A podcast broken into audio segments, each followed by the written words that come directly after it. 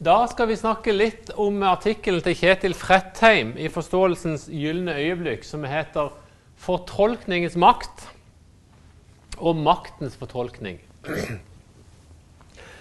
Lenge så var det sånn at interkulturell kommunikasjon var en veldig sånn en, eh, en type vitenskap som var, som var prega av veldig sånn en, eh, idealisme på et vis.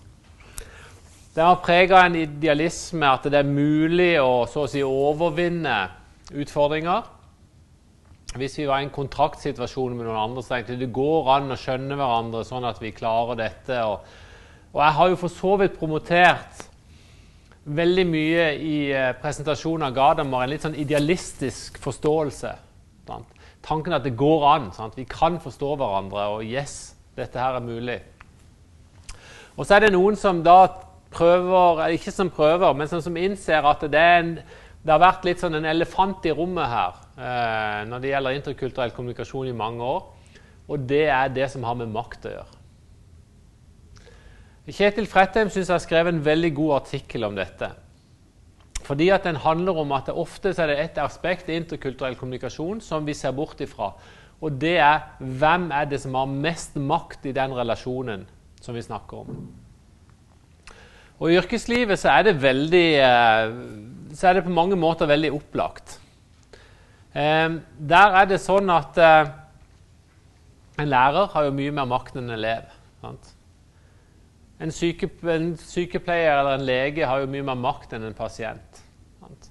En Nav-ansatt har jo mye mer makt enn en klient. Og en foreleser har mye mer makt enn en student osv. Fordi at det er asymmetriske relasjoner som vi kommer borti hele tida. Og hvordan påvirker det kommunikasjon? Hvordan påvirker det så å si vårt ønske om å eh, komme nærmere hverandre osv. osv. Jeg tror at Kjetil Frettheim har helt rett. At for å eh, snakke sant og snakke rett om flerkulturelle relasjoner, så er vi helt nødt til å involvere makt i dette på en eller annen måte. Og hvordan gjør han dette? Eh, han griper tak i fortolkningens teori og praksis. Um, og um, jeg, jeg, tenker det er greit å komme med denne forelesninga etter vi har liksom vært skikkelig inne i Gadamer. Og hvis dere er litt sånn som jeg var i begynnelsen, og fortsatt er det fortsatt, så blir jeg veldig fascinert av Gadamer. Sant? Av hans tanker, hans ønsker og hans idealer. Men det er jo klart at Gadamer har blitt mye kritisert også uh, av forskjellige ting. og Kjetil Frettheim i sin artikkel drar fram noen av de tingene som er verdt å se nærmere på når det gjelder Gadamer. Men han begynner jo da med å snakke om hva er hermenutikk. Jo, det er å forklare, det er å tolke. Men det som vi skal gjøre nå, det er så å si gå et steg videre. Og snakke om eh, å ha et kritisk perspektiv på makt i interkulturell kommunikasjon. Dette handler jo som sagt om eh, utvikling av faget, der jeg jo nevnte tidligere at eh, det var lite fokus på dette med asymmetriske relasjoner i kommunikasjon. Det var mer enn som snakk om hva vi kunne si, og ikke for å forstå hverandre. Men vi har vel alle erfart eh, i praksis at maktrelasjoner er i spill i de fleste, eh, i de fleste relasjoner. Kjetil begynner artikkelen sin med å snakke om det han kaller for en enkel hermeneutikk. Um, og det er jo ikke det at den enkle hermeneutikken er så veldig opplagt eller så veldig uh, simpel eller Ikke enkel på den måte. Men jeg tror at vi kan snakke om enkel mer på sånn dimensjonalt plan. Um, jeg tror at uh, vi kan snakke om denne hermeneutikken som en sånn uh, På ett vis en litt type endimensjonell plan. Og så skal vi se at vi kan snakke om flere plan av tilnærming til hermeneutikken. Ehm, den enkle hermeneutikken tar utgangspunkt i tegn- og prosesskolen. Ehm, vi har ikke snakka så veldig mye om det, men altså prosesskolen i, i, i, kommunikasjon er jo på en måte enkel. Da har vi en person A som sender et budskap til en person B. Og denne her kommunikasjonen da er på et eller annet vis koda inn, da enten gjennom språk eller andre ting. Og så kan en kanskje snakke om at det fins en del støy rundt her. Og så får vi så å si en kommunikasjon som går tilbake. den kan, eh, prosessmodellen kan gjøres veldig enkel, eller den kan gjøres mer avansert. Den helt enkle er jo bare en sånn A til B. Et budskap blir koda, og så går det til B, og så gir B et svar til A. Øyvind Dahl har jo utvikla denne modellen litt. Um, og han snakker om kulturfiltermodellen. Den er litt mer avansert. Fordi at uh, Øyvind Dahl vil si at uh, person A han har et gitt kulturfilter. Og all informasjon så å si, den som denne personen ønsker å formidle, den må gjennom et kulturfilter. Og så må den selvfølgelig kodes på vanlig måte. Men poenget er at når denne, denne informasjonen kommer til person B, så vil informasjonen måtte gå gjennom et nytt kulturfilter før han kommer hjem til den personen. Og Da eh, er det rett og slett sånn at det kulturfilteret det tegner Øyvind Dahl med en litt annen type modell. Hvis det f.eks. er en trekant hos A, så kan det være en trapes eller noe annet hos B, for å vise at disse er forskjellige.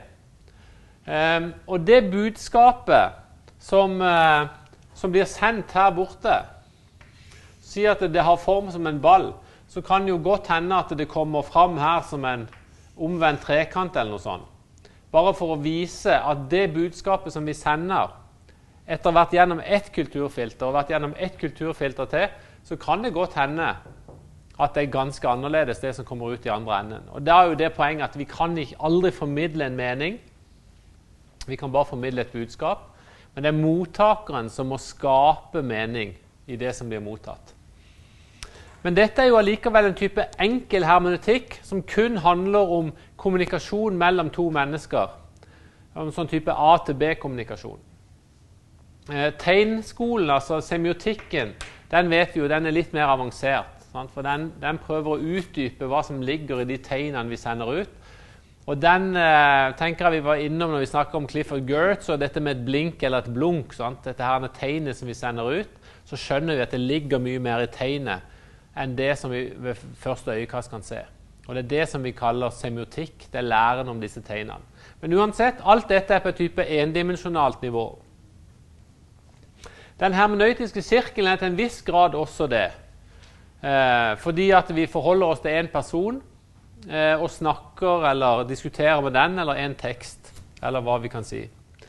Og her har vi jo Dette har jo ofte som en konsekvens at vi kan ikke alltid forutse hva som blir fortolkninga vår. Kjetil snakker om fortolkningas uforutsigbarhet. Eh, her blir det jo én person som fortolker. Sant? Hvis jeg er i dialog med en annen person, så er det vi som fortolker dette. Og det er på dette nivået sånn sett Gardamer eh, opererer. Fordi at det er som sentrum i situasjonen, og vi som subjektet. Det er liksom vi som avgjør hva som blir sagt i denne, i denne dialogen. Så på, måten, på, den måten så foregår dialogen så å si mellom A og B på et endimensjonelt plan. Vi er jo to personer, men vi er på, så å si på én dimensjon. Så sier Kjetil at det fins et neste nivå det fins et nivå som man vil kalle for dobbelt hermeneutikk. Og Da vil han eh, bruke som eksempel forskningsintervjuet. Og Det er jo Anthony Giddens, den kjente sosiologen, som, som er liksom eh, personen som promoterer denne måten å tenke dobbel hermeneutikk på. Og Hva betyr det da? Da kan en godt si at hvis en forsker spør en informant om noe, om et spørsmål F.eks. når jeg skulle skrive min doktorgrad, så intervjua jeg masse gamle de-folk i Nord-Kamerun. Og så spurte jeg du, hvorfor ble du kristen. Og så fikk jeg masse interessante svar på det. Masse rare fortellinger om de første misjonærene og alt som skjedde rundt den tida. Men jeg fikk liksom mange De presenterte for meg hvordan de tenkte på dette. Hva var de sitt nivå? Men Poenget er at når jeg som forsker skal tolke det som blir sagt For samtalen vår, så å si intervjusamtalen, den er enkel hermeneutikk, for da diskuterer vi fram og tilbake. Men hva gjør jeg med dette intervjugreia mi? Jo, jeg tar det med meg hjem til Norge. så setter jeg det opp sammen med masse andre intervjuer jeg har gjort. Og så leser jeg masse teori om religiøs omvendelse i en kolonial kontekst. Så begynner jeg å tolke det som blir sagt her nede. Jeg begynner så å si løfte det ut av sin egen situasjon. Fordi at jeg begynner å gi sånn nye merkelapper på det som skjer. Og Da kan det være forskjellige ting. Sant? Jeg kan snakke om postkolonial teori som en konsekvens av det som skjedde i kolonitida.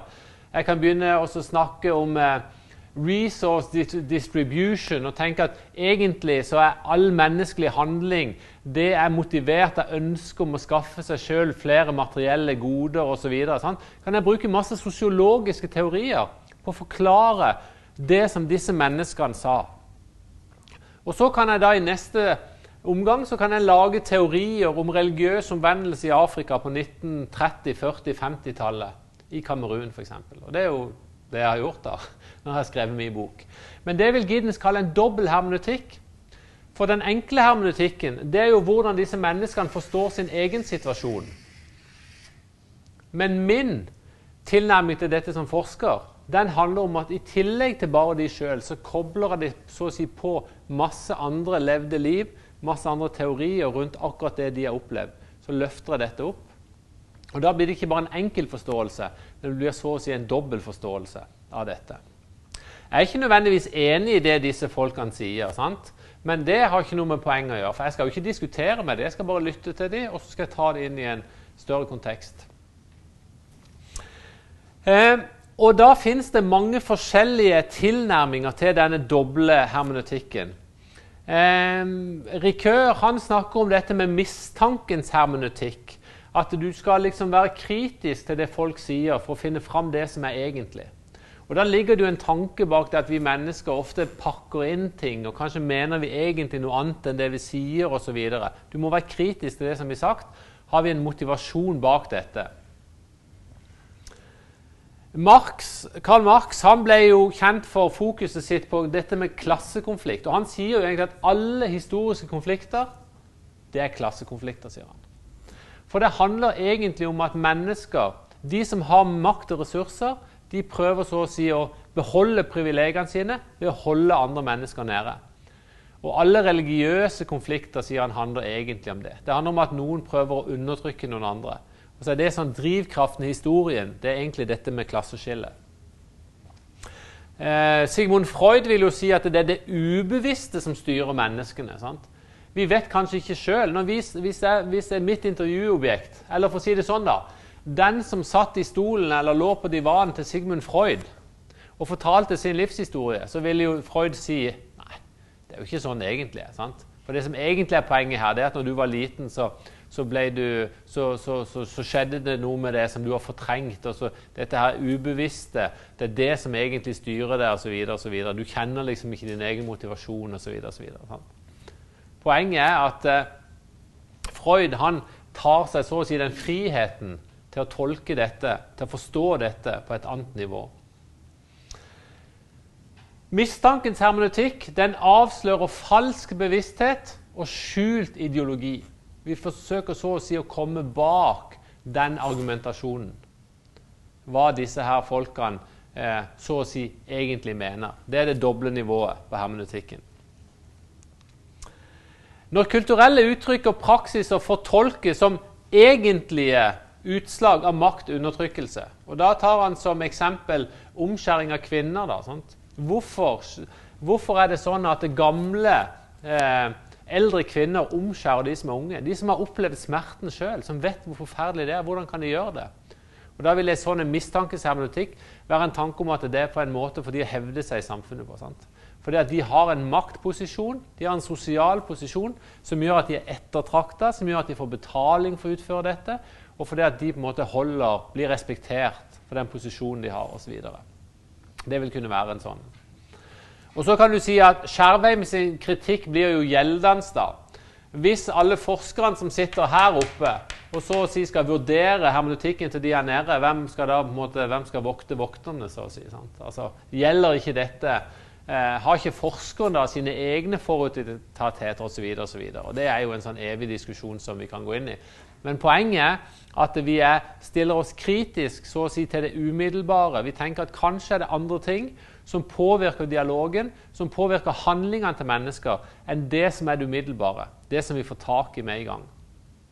Og på, et, på, en måte så kan jeg jo si at det å redusere hele Gardamas tenkning kun til enkel hermenutikk, det, det blir litt, sånn reduksjonistisk. For jeg tenker samtidig nå, Hvis vi går inn i den hermenøytiske spiralen og kommer oss opp, så er det klart at vi kan, vi kan, eh, vi kan ha anslag av, av en dobbel hermeneutikk her òg. Men, men, men, men, Gadama blir veldig ofte plassert som en sånn enkel hermeneutikk fordi det er sånn type person til person. Eh, hva er gevinsten i dette her? Eh, skille mellom samtalepartnere og respekt for deres integritet. Um, på en måte så kan vi kanskje si at ved å trekke seg litt ut av dette, så kan en eh, samtidig se hva folk sier her, men en kan kanskje se det i en større kontekst, som, som så å si løfter det menneskene sier eller det de gjør, litt ut av konteksten, og blir noe som, eh, som, som kan være veldig positivt. da. En annen ting er at det kan fastholde et mangfold av fortolkninger. Det betyr ofte at eh, det som blir sagt eller gjort, er jo ikke umiddelbart så enkelt. Og Det er jo noe av det som vi ser mest av i sånn flerkulturelle problemstillinger. Når folk sier noe, så skjønner vi ikke helt hva de sier. Hva mener de egentlig med det? Hvorfor sier de ja, og så mener de nei, f.eks.? Altså, hva, hva, hva, handler dette om? Sant? Hvorfor sier de at de skal komme, og så kommer de ikke likevel? Sant? Eller de kommer en time for seint enn de sa de skulle komme på tid. Eller. Hva ligger bak dette her?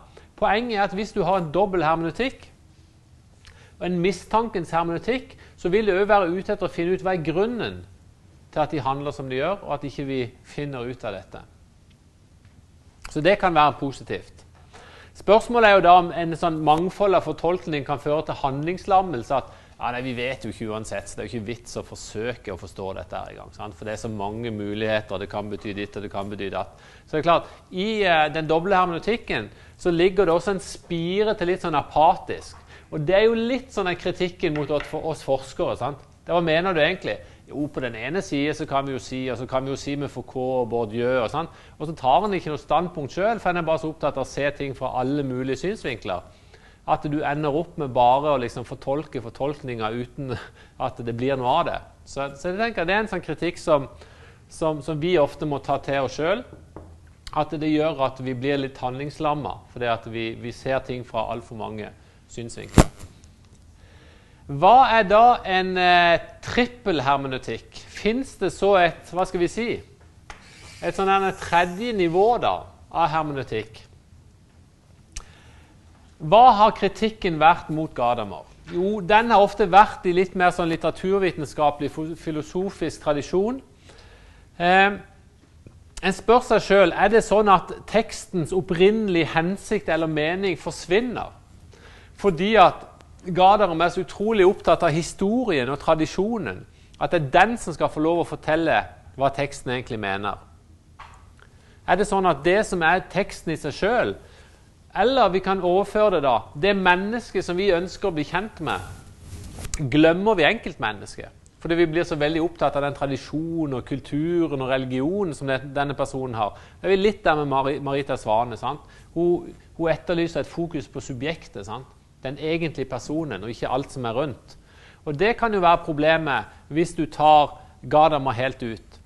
Fordi at han er, som sagt, bare det han sier, at eh, han leser ikke tekster som er nyere enn 2000 år gamle. Sier jo noe om fokuset hans bakover i tid og på en måte på disse store spørsmålene. Og Da kan enten den enkelte teksten vi tolker, eller det enkelte individet som vi nærmer oss, det kan kanskje forsvinne. Har vi for liten tillit til teksten? Eller den, kan en spørre seg det motsatte spørsmålet da? Forsvinner muligheten til å kritisere teksten? Hvis det er sånn at, at, konteksten og historien skal være en sånn stor autoritet Hvis vi skal ha så mye respekt for det flerkulturelle og den plassen de kommer fra, de tankene de har, at ikke vi tør å kritisere dem, Da, det, da, er jo eh, problemet like stort, egentlig. Sant? For da, blir, da, må vi liksom legge vekk all vår egen integritet. Eh, det er jo en mulig tolkning. Sant? Det er jo en mulig konsekvens av å så å si, ta Gardama helt ut. Selv om han sjøl sier at vi har lov til å være uenige, så det er klart at det veldig fokus han har på enighet, kan noen ganger gjøre at vi har for mye tillit til tekst eller til disse personene. Eh, Spørsmålet er jo hva som skjer med den kritiske tolkning av strukturer og prosesser som påvirker kommunikasjonen eller de kommuniserende. Det er jo den triple hermenutikken sitt utgangspunkt. At du har ikke bare tradisjonen, men du har en hel masse andre typer motivasjoner som påvirker denne samtalen. Det er det den triple hermenetikken er ute etter. Og Dere begynner jo å skjønne nå at noe sentralt her, det handler om makt. Ja, den kritiske teorien den har som mål at den skal være entydig. At det skal være etterprøvbart og saklighet i forskninga. Så på en måte er han litt sånn tilbake til opplysningstida sine idealer. For En tenker kanskje at Gardamar kom for langt unna det. Sant? Noen tenker at Gardamar er kommet over et sånn føleri der vi ikke har noen kriterier for hva som er rett og galt lenger. For hva som styrer en samtale og en tolkning. Så kanskje må vi ta et steg tilbake. Eh, en annen ting med den kritiske teorien er at den har en agenda. Den kritiske teorien den forsøker å adressere problemer og rett og slett skape en bedre verden. For så er jo Kjønnsforskninga et veldig interessant eksempel på denne måten. På den måten at Kjønnsforskninga har vært ute etter å avsløre så å si strategier som har gått ut på å holde halvparten av befolkninga nede. Sant? Vi som menn vi har utvikla gjennom årtusener strategier for å bevare vår egen som patriarkalske situasjon, som innebærer en del privilegier. Sant? Kjønnsforskere har jo vært de har på en måte blitt kritisert det at de er altfor politisk farga. Men samtidig har de sagt yes, det er poenget vårt. Vi ønsker å være kritiske for å avsløre de privilegiene som noen mennesker har har, eh, har, eh, har, tatt til seg på et eller annet vis. Og det kan jo da eh, være et mål å forsøke å forandre ting til det bedre. For å forandre ting til det bedre så må du gjerne type ta et standpunkt. Og da må du liksom inn i eh, Da må du så å si løfte deg over situasjonen.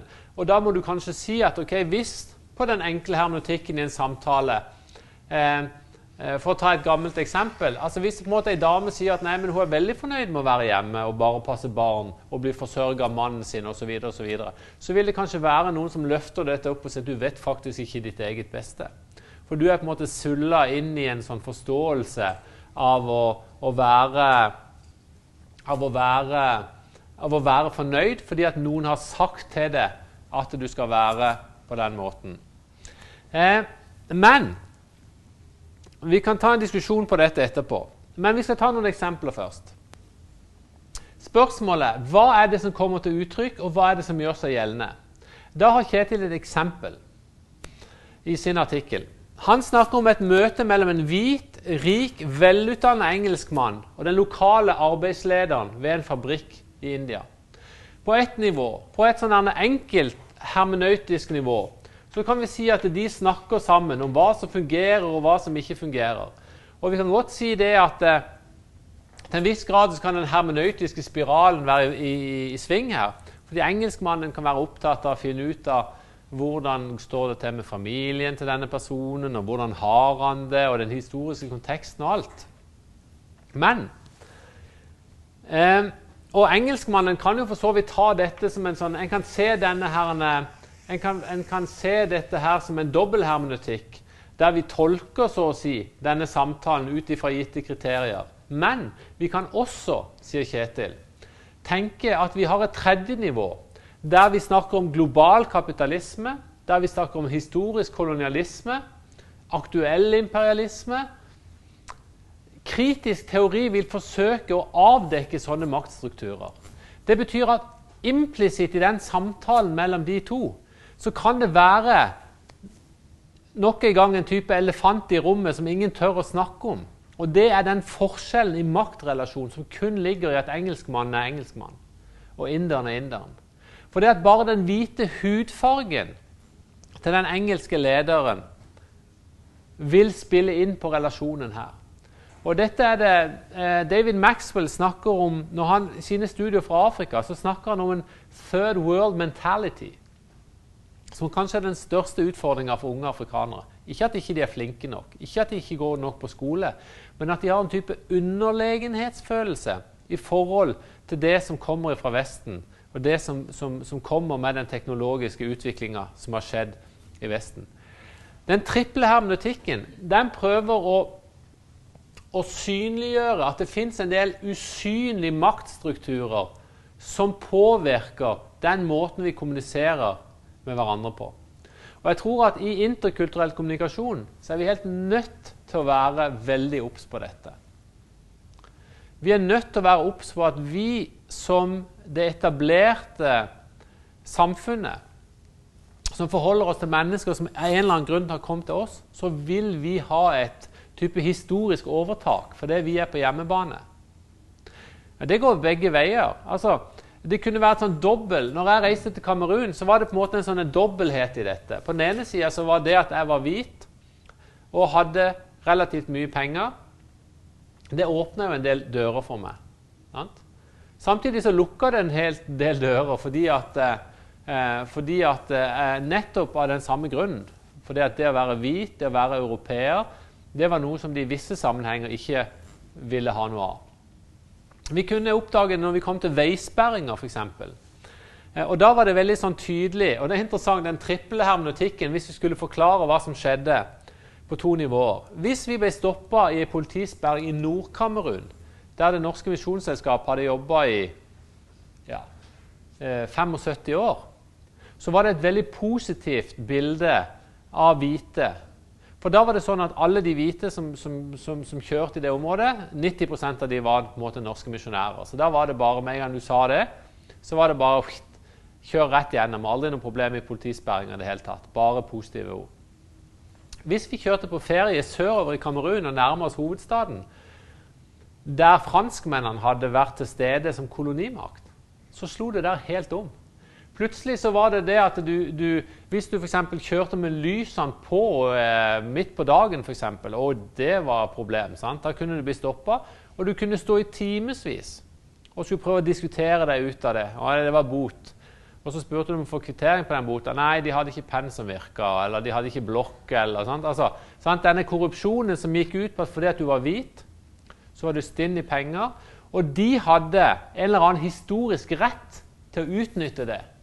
Fordi at du som hvit hadde utnytta de i 200 år. Sant? Og da er vi oppe på det tredje nivået. Da er vi oppe på en trippel hermeneutikk. For det hadde ingenting med vår direkte samtale å gjøre. Sant? Der vi står og diskuterer om vi har penn som virker eller ikke. Det, det, det, vi skjønner jo sjøl at på den enkle hermeneutikkens nivå så, så, så, har det ingenting å si. For hvis vi skal forstå hva som faktisk skjer, så må vi på en måte opp og skjønne det at det å være hvit i en sånn setting. Det kan enten være positivt, sånn, da fører det til at andre afrikanere de blir stoppa med å betale i veisperringer. Alle taxisjåfører som blir stoppa i veisperring i Kamerun, de må faktisk betale penger. Korrupsjon er enormt sånn utbredt. Ikke sånn veldig mye. Vi betaler 1000 franc, sånn, 10 kroner for å kjøre gjennom med, med taxien sin. Vi hvite måtte aldri gjøre det. Betale sånne små penger oppe i nord. For det, det, det var noe her oppe som, som, som definerte maktforholdene. Mens nedover i sør så var det ikke snakk om vi skulle betale 1000, da var det snakk om liksom 10 000 eller 20 000. For de skjønte at vi hadde penger. Og så kanskje 50 000 osv. CFA, da, som jo er mindre, men allikevel. Men poenget er i alle fall at for å forstå hvordan interkulturell kommunikasjon i praksis er gjennomførbart, og hva som har de praktiske konsekvensene, så er vi nødt å gå utover den enkle hermeneutikken og til og med den doble hermeneutikken. Vi må se på hvilke maktstrukturer som ligger i samfunnet som påvirker enhver eh, dialog, enhver relasjon. Hva er makt for noe? Vi har jo selvfølgelig et definisjonsproblem når det gjelder makt. Fordi makt kan være så mye. Lovgivende makt, dømmende makt, utøvende makt, motmakt, avmakt, byttemakt osv. Makt er noe som så å si gjennomsyrer alle relasjoner på forskjellig nivå.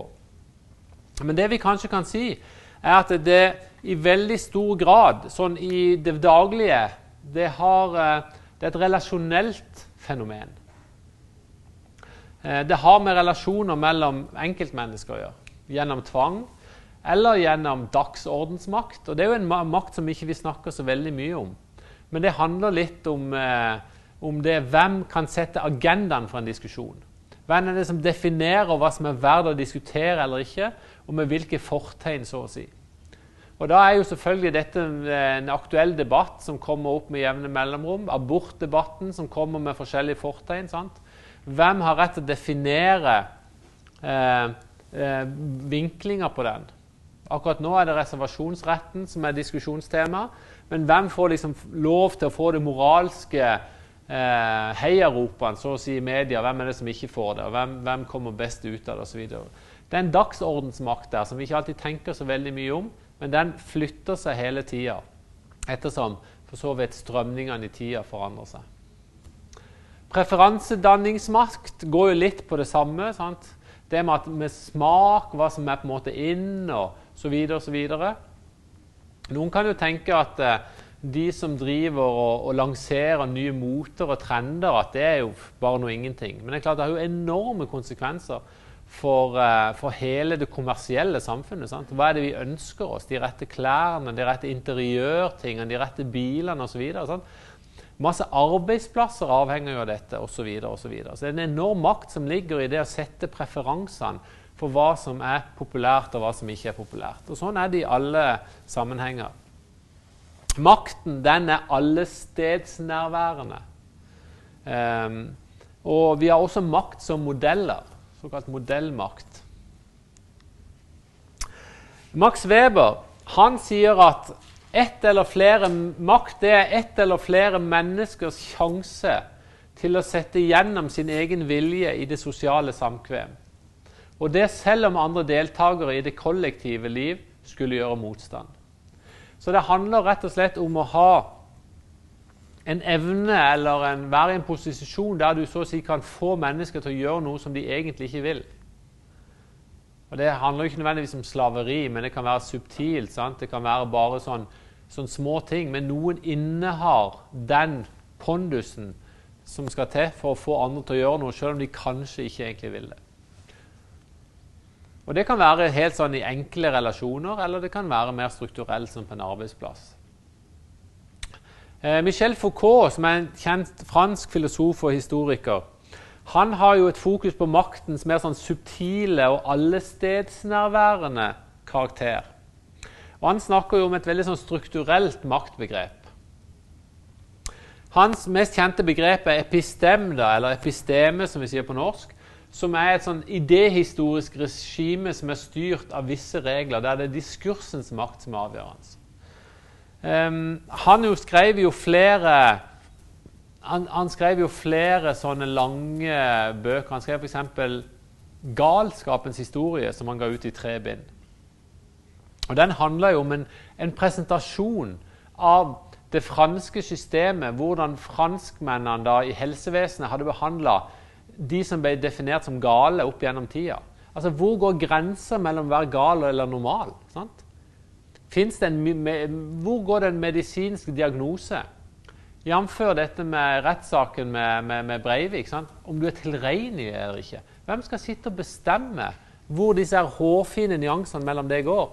Poenget til Michel Foucault det var at han, han, sa jo at mennesker som tidligere ble definert som gale og låst vekk og lukka vekk, det skillet forandra seg jo gradvis. sant? Men hva var det som gjorde at det ble forandra? Jo, han sier det var på en måte diskursen. Det var de som er leger og politikere, de som hadde makt i samfunnet, som gradvis bestemte seg for at nei, nå er det, er det å være gal. Og nå er på en måte det plutselig blitt normalt. sant? En stund så var jo det å være homofil det var jo å være gal, definert som unormal, utafor samfunnet osv. osv. Gradvis så skjer det en prosess der du får en gradvis aksept. Hvorfor skjer dette? Skjer det noe biologisk med oss mennesker? Nei, sier Foucault. Han sier rett og slett bare at samfunnet forandrer seg. De som har makt til å stille spørsmål Plutselig er det noen personer som, som, som får nok pondus til å stille kritiske spørsmål. Og Hvis en har gode nok kritiske spørsmål, så slår den gamle meninga sprekker, og så beveger meninga seg litt. Og så litt og så litt, og så kan han snu og så gå tilbake igjen. Poenget til Michel Foucault han sier at virkeligheten er sosialt konstruert, sier han. Og Det betyr at det er bare mennesker sjøl som definerer hele veien. Det fins ikke gal, det fins ikke normal, det fins ikke rett, det fins ikke galt. Det fins kun det som en, en, en, viss mengde mennesker definerer til å være rett og galt til enhver tid. Men da må du jo ha en viss makt for å kunne definere dette. Og Da vil jo religionskritikerne si at prestene og de kirkesamfunnene har hatt en enorm makt sant, fra pavetida og framover til å definere hva som er rett og galt. Men det handler kun om at de har klart på et eller annet vis sier jo Marx òg, klart på et eller annet vis å lage sånne geniale systemer som har gjort at de fortsatt har fått ha definisjonsmakten. Og så har på en måte det kommet kritiske folk, og så har de sett motivene bak dette. Så videre. Dette er jo, men dette er jo på en måte sosial historie, på et vis. Men det er diskursens makt. Han er mangfoldig, og han er ubegripelig fordi at han forandrer seg hele tida. Det som lov, var lov tidligere, er ikke lov nå, og omvendt. Det går, eh, det går fram og tilbake. Men hvem har definisjonsmakten? Det er jo det store spørsmålet. Da sier Kjetil Fredheim trippel hermeneutikk, takk. Vi trenger den triple hermeneutikken for så å si å avsløre maktforhold som slår ut negativt for den svake part. Og Dermed blir dette et litt sånn politisk prosjekt. Da, sånn, å ta den svake side. Fordi at maktens spill er ytterst komplisert. Fordi at én fortolkning ofte avgrenser en annen. Hvis noen roper høyt nok, så blir ikke den svake parten hørt. Hvem har makt til å fortolke, og hvem har makt til å sette, fastsette sette premissene for dialogen? Og Da sier Kjetil at det, vi som forskere, og vi som driver, og vi som blir eksperter Og dere blir jo eksperter innenfor dette her etter hvert. Vi må spørre oss sjøl hva er det egentlig som skjer. Hvem er det som holdes nede? Hvilke stemmer er det som ikke blir hørt i den dialogen vi beveger oss inn i nå? Og Det blir jo eh, utfordringer som eh, Kjetil Fredheim lanserer for oss. Vi kan forstå ting på mange forskjellige nivåer. Og det er ikke sånn at det triple nivået er på en måte det riktige nivået. Eller at det første nivået er det riktige nivået. Men hans poeng er at for å skape en god situasjonsanalyse, så er vi nødt til å huske på at alle relasjoner har så å si flere nivåer. Og Vi har fokusert mye på dette individnivået, det å forstå den enkelte. Men samtidig så tenker jeg òg at eh, den hermenøytiske spiralen den står seg, så å si. Men jeg tenker at det tredje nivået, den tredje trippelhermenøtikken, den skal få lov til å være en del av konteksten som gjør at vi forstår enda mer. Derfor vil jeg ikke, vil være veldig forsiktig med å si at den hermenøytiske sirkel kun opererer på en sånn enkel hermeneutikk. Jeg vil si at den, den hermenøytiske sirkel, eller spiralen, den rommer også doble og den triple hermeneutikken. Fordi at nettopp eh, ved å stille spørsmål og innse at det er ting de ikke du forstår, så vil du kunne få kunnskap om dette. Men vi må ha kunnskap om dette nivået, og vi er nødt til å skjønne at makt alltid spiller en rolle i alle relasjoner.